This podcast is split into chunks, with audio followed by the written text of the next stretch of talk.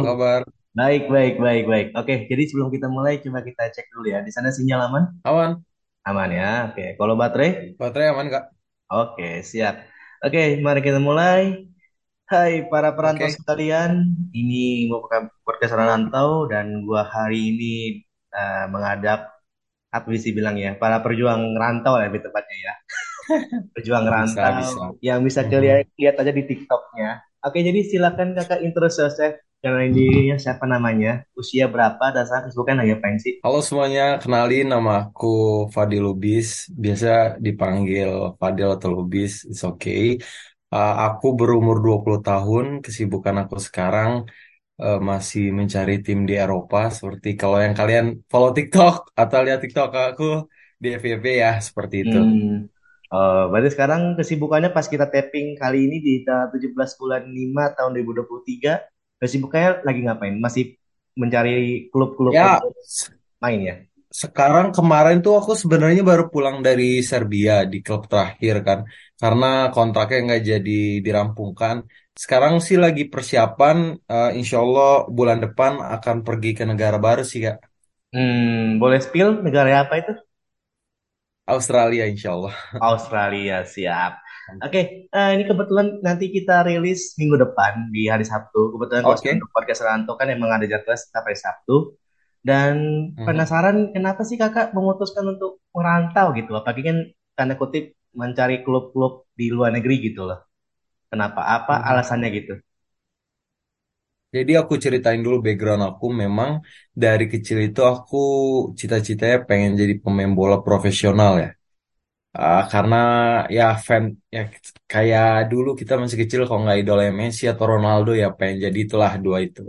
Dari kecil udah masuk SSB dan juga futsal regional di Jakarta.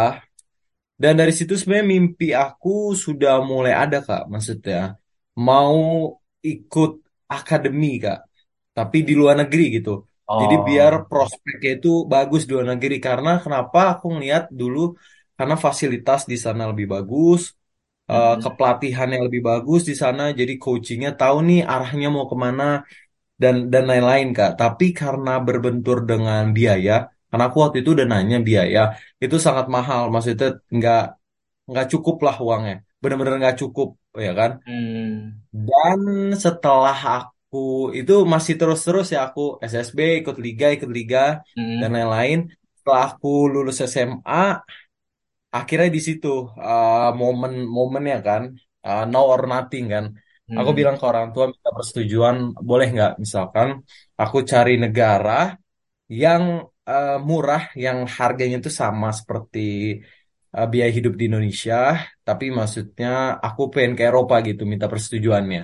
Ternyata aku dapat salah satu negara yaitu waktu itu Turki. Dan mm. akhirnya dari situ perjuanganku mulai dimulai eh dimulai gitu. Tapi aku ke sananya itu dengan visa student Kak, bukan Oh, visa turis. Iya, mm, makanya orang-orang kadang salah paham kenapa aku ambil visa student saat itu. Karena mm, yang pertama waktu itu saat COVID, ya kan. Itu mm. susah banget, apalagi bola-bola di luar juga udah pada tutup juga kan. Iya Nah, betul. aku mikir gimana nih biar aku bisa jangka panjang, minimal kayak 4 sampai 5 tahun di Eropa lah Mm, mm, mm. visa aman kan yang susah tuh visa kan Iya visa betul. aman bola juga jalan. Apa ya? Aku mikir aku mikir. Oh setelah itu aku nemu nih oh Turki murah nih biaya kuliahnya. Ah coba deh.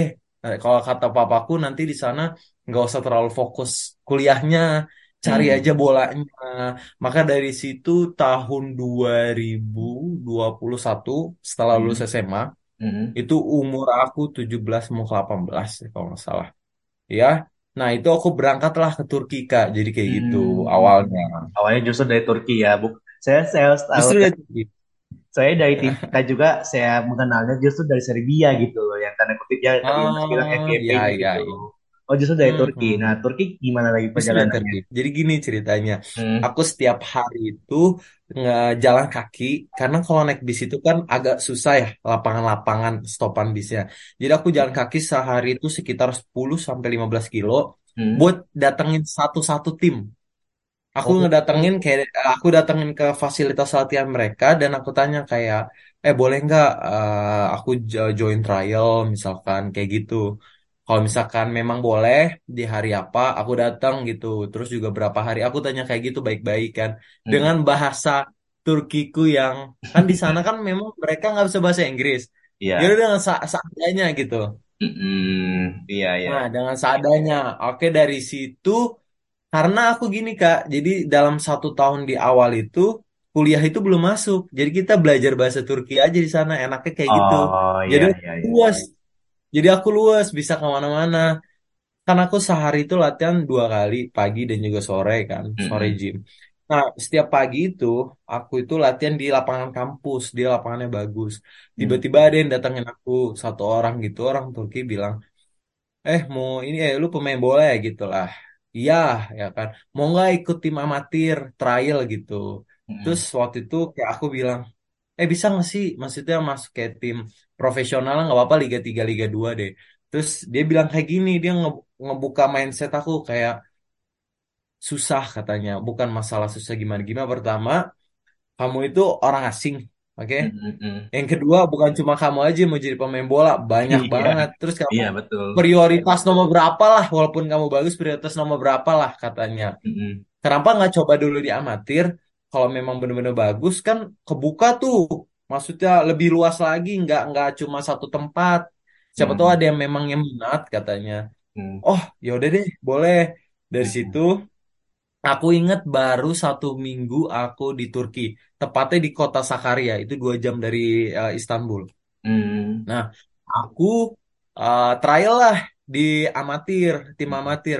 Jadi sistem trial itu kalau di Turki kita langsung main. Jadi Oh, kita langsung main game gitu. Karena aku Mm-mm. kaget, biasanya trial itu kan kita latihan kan. latihan biasa gitu ya. Ini tuh langsung, ya, ini tuh langsung langsung main. Hmm. Udah deh, aku datang, aku main. Alhamdulillahnya aku asis kan. ada Wow. presiden itu ngeliat dan lain-lain. Katanya nanti hasilnya ini ya 2 sampai 3 harian dikabarin. Mm-mm. Nah, udah 2 sampai 3 harian ternyata kabarnya itu aku eh, gagal, failed Oh. ya kan di sana. Ditelepon sama yang orang yang eh, ngajak aku di awal, dibilang kayak gini. eh maaf ya katanya kata presiden klub, katanya presiden klub amatir ini katanya eh, kamu itu belum ah, belum cocok di tim kami ya Ya, kan belum kompeten lah ya. visa belum ya apalagi visanya visa student katanya jadi Hmm. kalau aku jelasin dulu kak disclaimer dulu kalau kita mau main itu beda visa kak sebenarnya iya aku juga baru ngerti jadi ada harus dokumen peruntukan kita ini buat main gitu jadi nggak asal-asal main kita datang nih kita jago main nggak kayak gitu dulu aku mikirnya kayak gitu Oh, Makanya iya, iya. sangat iya sangat amat apa ya namanya rumit sebenarnya waktu itu. Tapi karena eh namanya juga masih muda kan, gas-gas aja lah, Gas-gas ya aja kan? ya. Iya. Gas aja. Oke, pertama gagal itu tim amatir Gagal yang pertama. Ya. Oke, yang kedua ini, yang kedua aku uh, pindah kos jadi ceritanya Kak.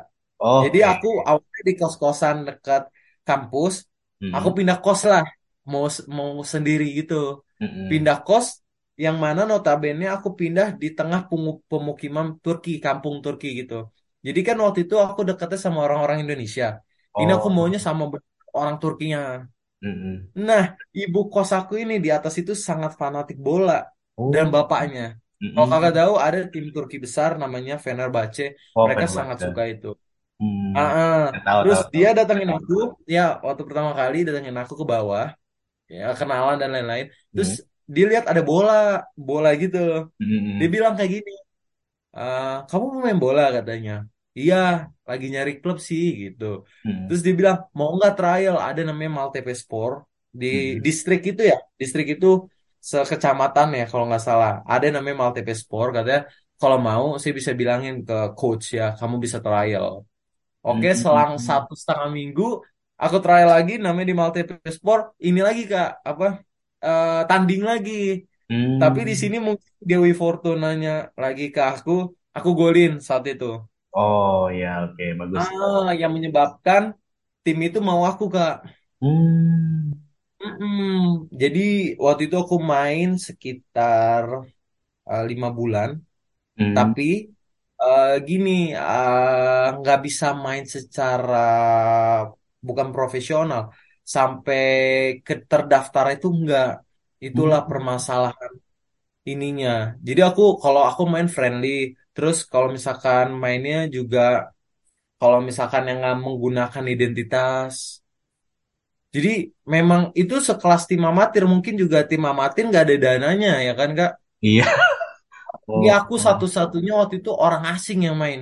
Nggak ada lagi orang asing yang main. Oh gitu. Hmm. Iya, nggak ada tim amatir. Tim amatir nggak ada. Waktu itu kan namanya Sewilayah Sakarya. Itu Mm-mm. nggak ada. Paling paling ininya aja apa sih namanya terkenalnya aja. Jadi aku waktu itu paling terkenal namanya di kampung kayak ada Maltepe.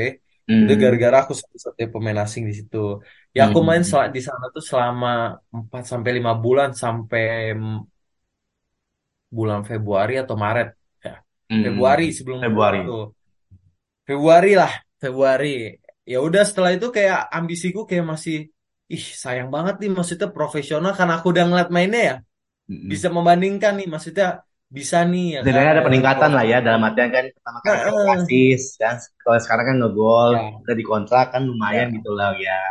ya maksudnya aku aku bisa nih maksudnya kalau profesional kayak U- U21 waktu itu Mm-mm. U19 juga masih bisa ya kan. Mm-mm. Akhirnya waktu itu ini nih yang gamblingnya antara milih bola atau kuliah. Karena Mm. setelah aku jalanin nggak bisa dua-duanya. Iyalah pastinya. Ya, jadi aku telepon orang tua minta persetujuan, boleh nggak maksudnya berhenti kan kuliah di Turki. Hmm. Setelah pikir-pikir panjang, akhirnya mama oke, papa oke. Dalam waktu itu situasi yang maksudnya finansial itu nggak ada, habis waktu itu ke Turki. Hmm. Mm-mm, habis ya kan. Terus oh ya udah, habis itu aku akhirnya ya udah boleh katanya pulang ke Indonesia. Maksudnya berfokus bola. Hmm. Akhirnya ada agent yang menawarin, ya kan? Dia orang eh, Swiss tapi keturunan Serbia. Hmm. Eh, katanya kamu dap- eh, bisa dapat kesempatan trial di Romania. Wah, jauh juga. Nah, mm, mm-mm. Nah karena waktu itu finansialnya belum stabil, Hmm. ya kan bener-bener memang nggak ada, ya kan? Kalau lihat isi komenan TikTok aku kan kayak ini orang kaya nih bisa pindah-pindah-pindah, ya kan? Iya, iya, Padahal nggak ada uangnya nggak, maksudnya nggak ada uangnya sama Hmm. sekali kan? Ya, soalnya kan Akhirnya orang aku mengi- ya soalnya orang mengira kan dalam artian kayak ini orang dalam artian maaf kata ya Hmm. nekat gitu loh kayak kalau saya di istilah Batak kan BTL Batak tembak Ya, langsung gitu loh ya. Kalau saya dari nah, Medan nah, menuju ke Jakarta kan tanda kutip ya betul, nekat gitu loh. Nah, ini maksudnya betul. kan dalam artian ya orang-orang mengira ini pasti dianggapnya tanda kutip punya privilege untuk tentang duit gitu maksudnya kan. Iya. Padahal di waktu itu aku inget banget, kan aku pulang tuh Maret ya. Maret setelah diskusi, akhirnya agent ini nawarin ke aku kan dia via DM waktu itu nawarin mau Mm. nggak trial ada di Romania, eh, Liga 3 Mm. Romania katanya. Kan Mm-mm. udah masuk Eropa tuh Romania. Mm-mm. Oke, tapi harus bayar akomodasi di sana. Selama di sana tuh makan, tempat tinggal bayar sendiri. Terus aku sama bapakku rembukan lah bertiga kita. Kayak gimana nih ya maksudnya ada kesempatan ya kan. Sebenarnya aku juga nggak maksain ini tergantung orang tua juga kan. Iya betul. Terus akhirnya waktu itu em, mau apa aku kan ada barang waktu itu eh, aku sorry balik lagi aku waktu itu pas mau ke Turki jual motorku kan. Nah Oh. sekarang udah nggak ada motor nih, nggak ada Mm. motor, bingung nih apa yang mau dijual kan. Akhirnya Mm. waktu itu jual bikin pak spanduk rumah dijual, rumahku dijual. Mm. Tapi tapi itu lama kalau rumah tuh prosesnya lama, apalagi masih kayak semi-semi COVID lah. Iya, ah, betul. Hmm, semi-semi COVID kayak ah susah lah orang, ya kan? Iyalah. Mm. Oh, ada mobil, ya kan?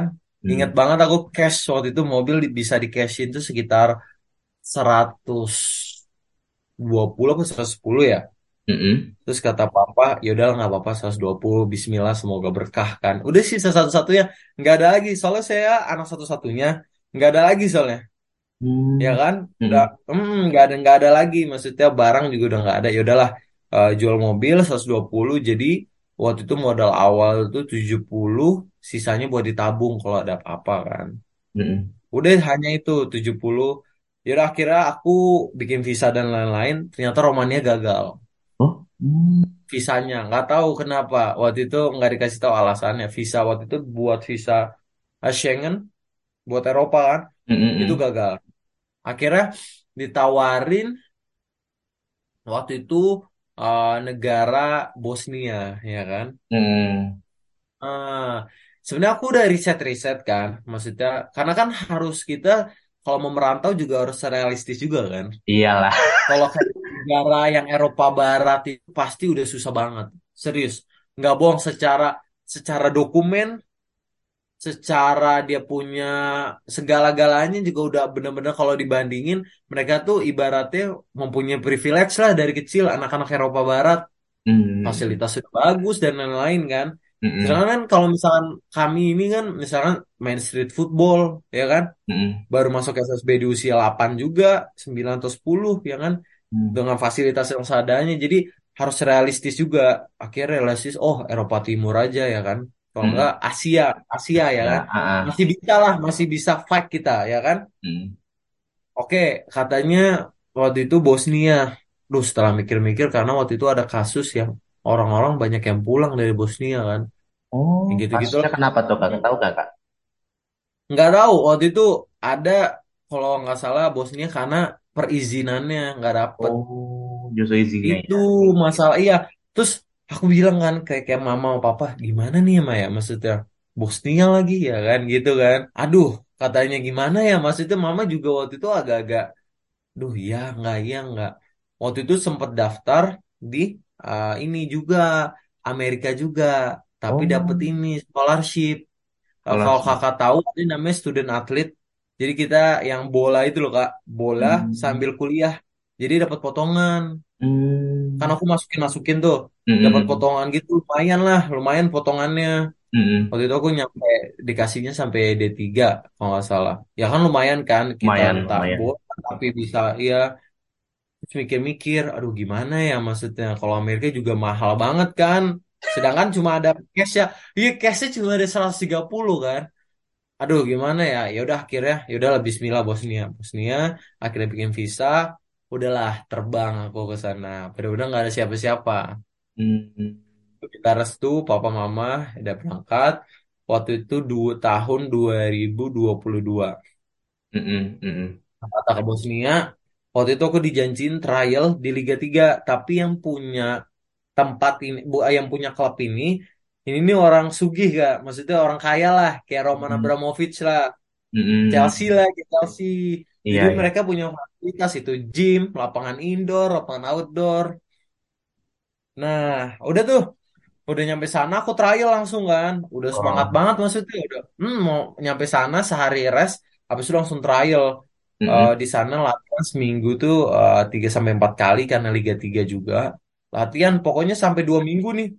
Aku bagus, aku golin dan lain-lain. Terus tiba-tiba eh, si or, si presiden ini eh bukan presiden, iya sporting director ini bilang kayak eh, bilang ke rumah yang eh, aku eh, jadi eh, punya teman rumah ini satu Mm-mm. karena dia nggak bisa bahasa Inggris pakai bahasa Bosnia.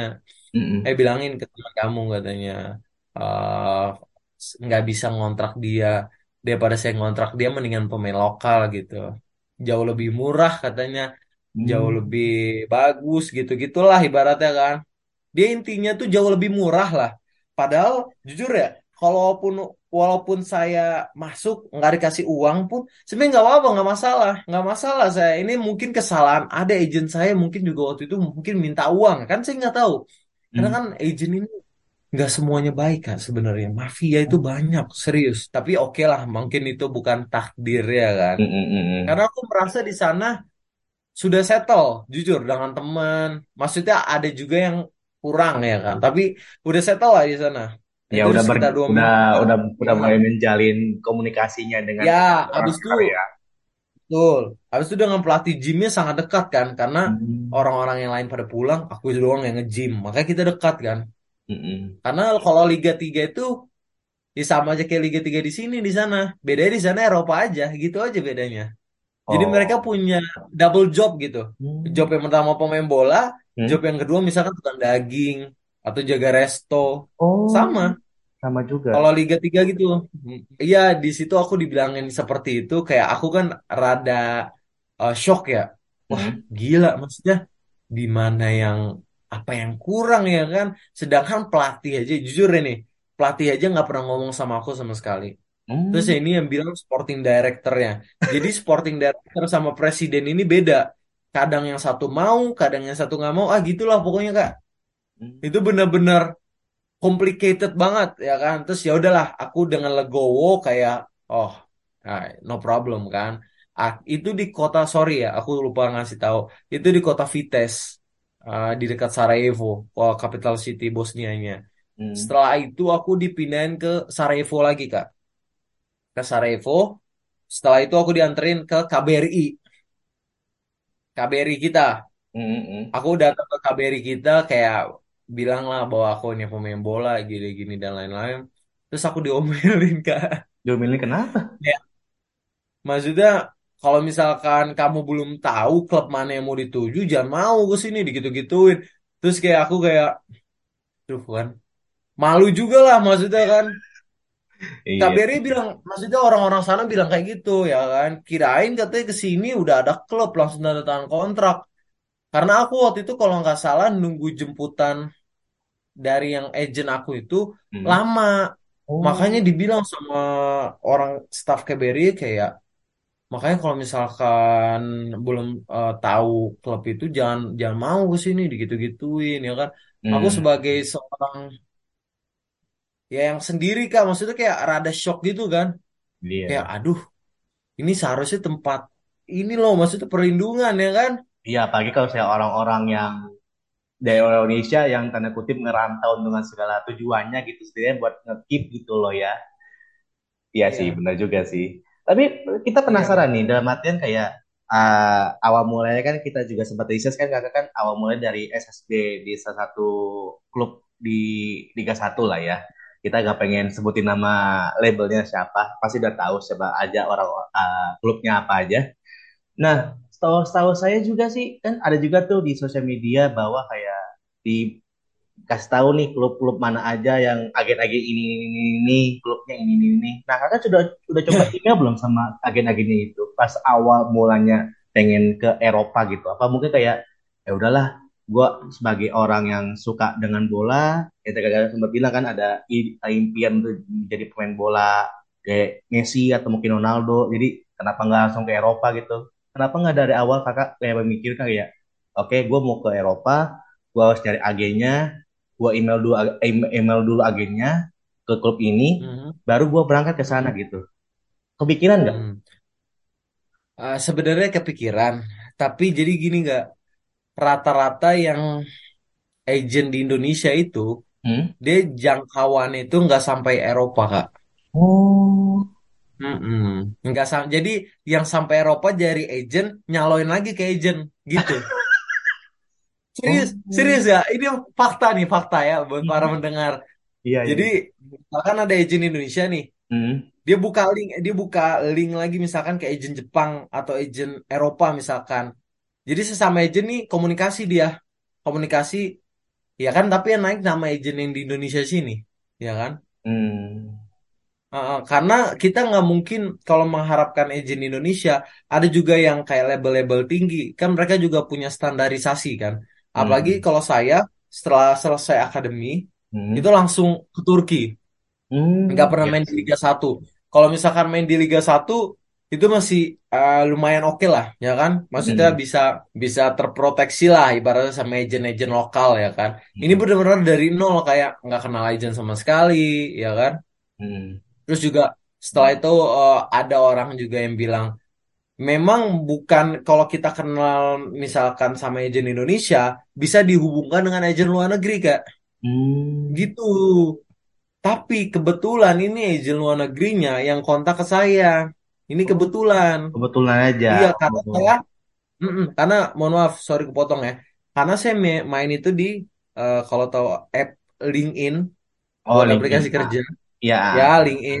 Di situ itu base buat kita jadi pemain bola itu besar sekali di sana. Misalkan hmm. dia rata-rata kayak open uh, trial, misalkan di Istanbul uh, dua minggu, bayar misalkan eh, 50 dolar yang kayak gitu-gitu kan. Nah, waktu itu ada DM masuk kayak agen luar negeri yang bilang bahwa dia telah membawa pemain ini ke Eropa. Di situlah saya tertarik sebenarnya. Hmm, iya sih. kayak, oh, ini beneran nih bisa terpercaya apa enggak ya? Sebenarnya kayak gitu Mm-mm. kan awalnya kan. Mm-mm. Karena kan dia itu sebenarnya ini kak ngebuka ngebuka jalan aja. Sebenarnya juga dia juga caloin lagi ke orang sana, ke orang lokal sana. Serius, Hmm, jadi jadi kayak dicalo-caloin gitu loh kak. Jatuhnya itu cobain. dicalo, nggak ada yang nggak ada yang direct. Ada yang direct satu Hmm. agent Spanyol dia, ya kan. Hmm. Aku juga tahu agent Spanyol, tapi kan kalau secara re- realistis, kalau kita misalkan kita terbang Spanyol, mereka itu ada peraturan yang berapa pemain asing, Iya gitu-gitu. sih. Ah, Ah, ah, makanya aku kayak se- secara realistis, oh jangan deh kalau ke Eropa Barat, maksudnya memang kita harus tahu diri, maksudnya levelnya belum segitu kan. Karena mm-mm. seluruh orang nih rata-rata sekarang kan cita-citanya apa, misalkan pemain bola kan, banyak sekali yang pengen jadi pemain bola kak. Kita Mm-mm. Kita nggak hanya bersaing sama rakyat Indonesia, ini kapasitasnya besar, ya kan? Iya Ada di Balkan, Eropa Barat, Eropa Timur, belum lagi Rusia dan lain-lain. Hmm, iya.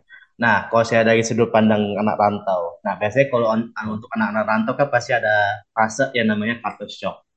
Nah, kalau saya kata saya kakak pasti kakak sendiri dari kakak bilang kan di Turki, Serbia, terus Bosnia, di Eropa-Eropa Barat yang kakak jalani selama ini, kakak kata shocknya apa nih dari segi dari segi iklimnya, makanannya, atau mungkin orang-orangnya, atau mungkin bahasanya mungkin? Silakan. Kalau saya ini sebenarnya alhamdulillahnya cepat beradaptasi, tapi kalau ditanya culture shock itu paling ke orangnya.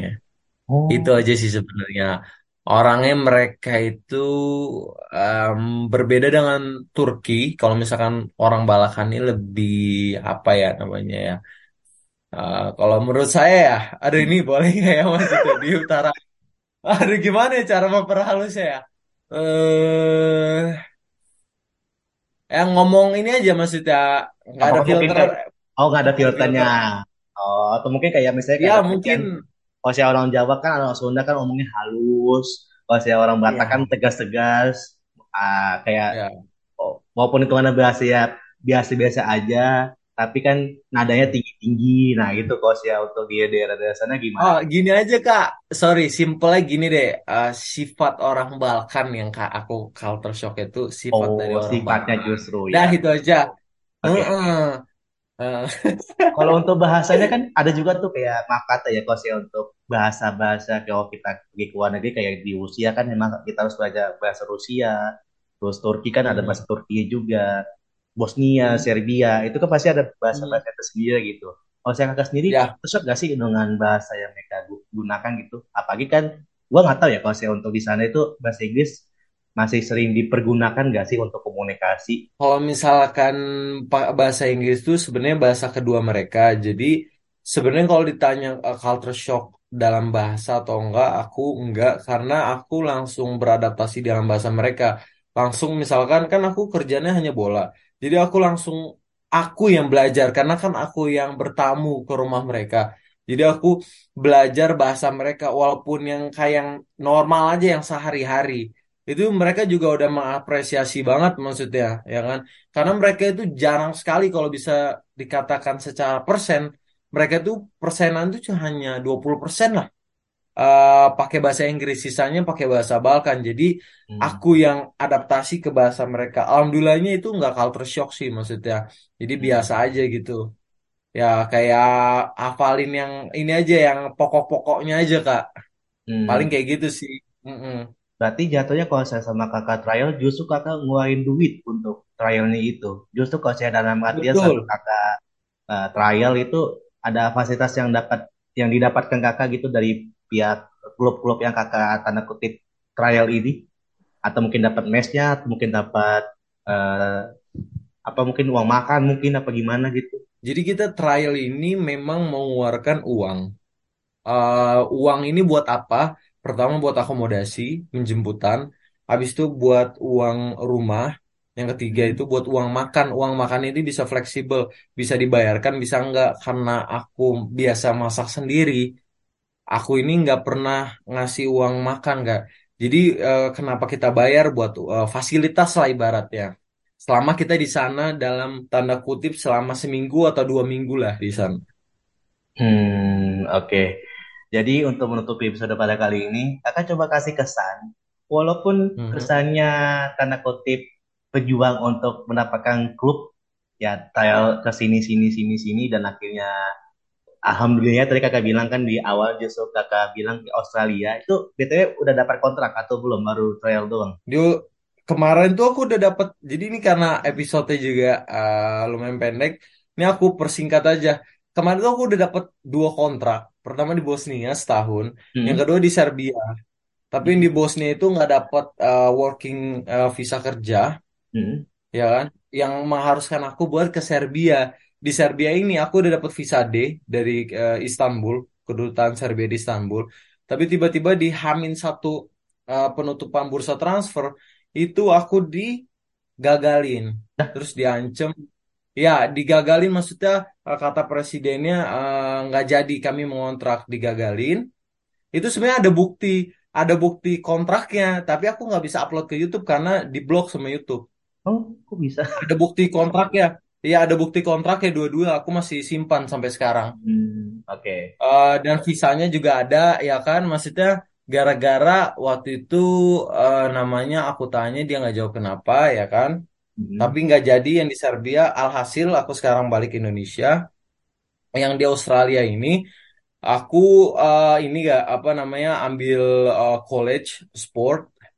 Sisanya kalau bola bola ada tim amatir. Tapi ya kita kita lihat nantilah eh, Oh, gimana jadi tujuan awalnya justru di Australia itu untuk belajar dulu ya, untuk kuliah dulu. Kalau sih untuk karir sport. ke ta- untuk karir ke trial itu belum ya. Belum. Sebenarnya gini Kak, buat menyelamatkan karir sih sebenarnya ke Australia itu. Oke. Serius karena iya karena ini berhubung dengan finance eh, financial dan lain-lain. Sebenarnya menyelamatkan karir dan juga eh, realistis kan maksudnya. Oh ternyata seperti itu ya di situ. Sedangkan kalau di di Australia ini kan dengan negara besar dan mereka itu kan open ke siapa aja entah itu ras eh, mana ras mana mereka open ke siapa aja. Jadi pun aku udah DM di salah satu akun eh, Instagram klub di sana mereka mau menerima menerima aku maksudnya dalam artian Hmm, trial di sana. Ya trial tapi kita ya. lihat nanti gi- gimananya di sana kan. Karena kan Ya, kita nggak ada yang tahu ke depannya kayak gimana kan. Betul jadi aku nggak betul. bisa mastiin tapi kalau buat plan sudah ada. Sudah ada klub sana yang mau uh, lihat aku main yang kan trial. Jadi uh, no problem. Oke, siap. Nah, kakak coba kakak kasih kesan, kesan kakak selama berjuang untuk eh, karir kakak di trial ke beberapa negara, bagaimana kesannya?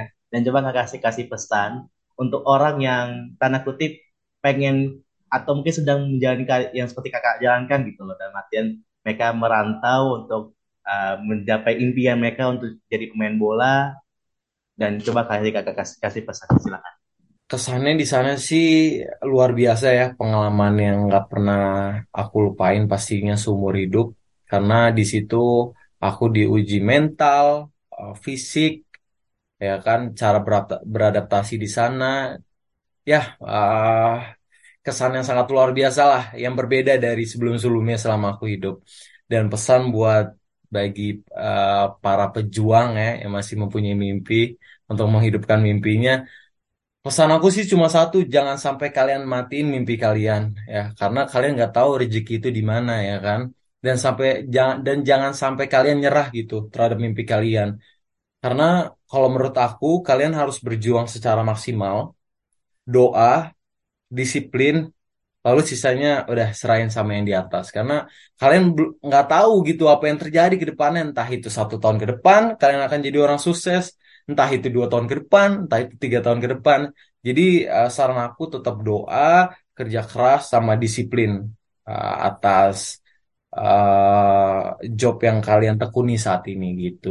Hmm, berarti kalau saya bisa dibilang role model kakak untuk tanda kutip memperjuangkan karir kakak untuk pergi ke luar negeri atau mungkin merantau ini apa role modelnya? Role model ah, papa saya sih sebenarnya. Papa saya karena saya melihat mereka dia itu dari orang yang nggak berada ya kan berjuang gitu buat buat hidupnya benar-benar dari nol karena saya Saya lihat keluarga saya dari nol. Papa saya ini berjuang mati-matian kan.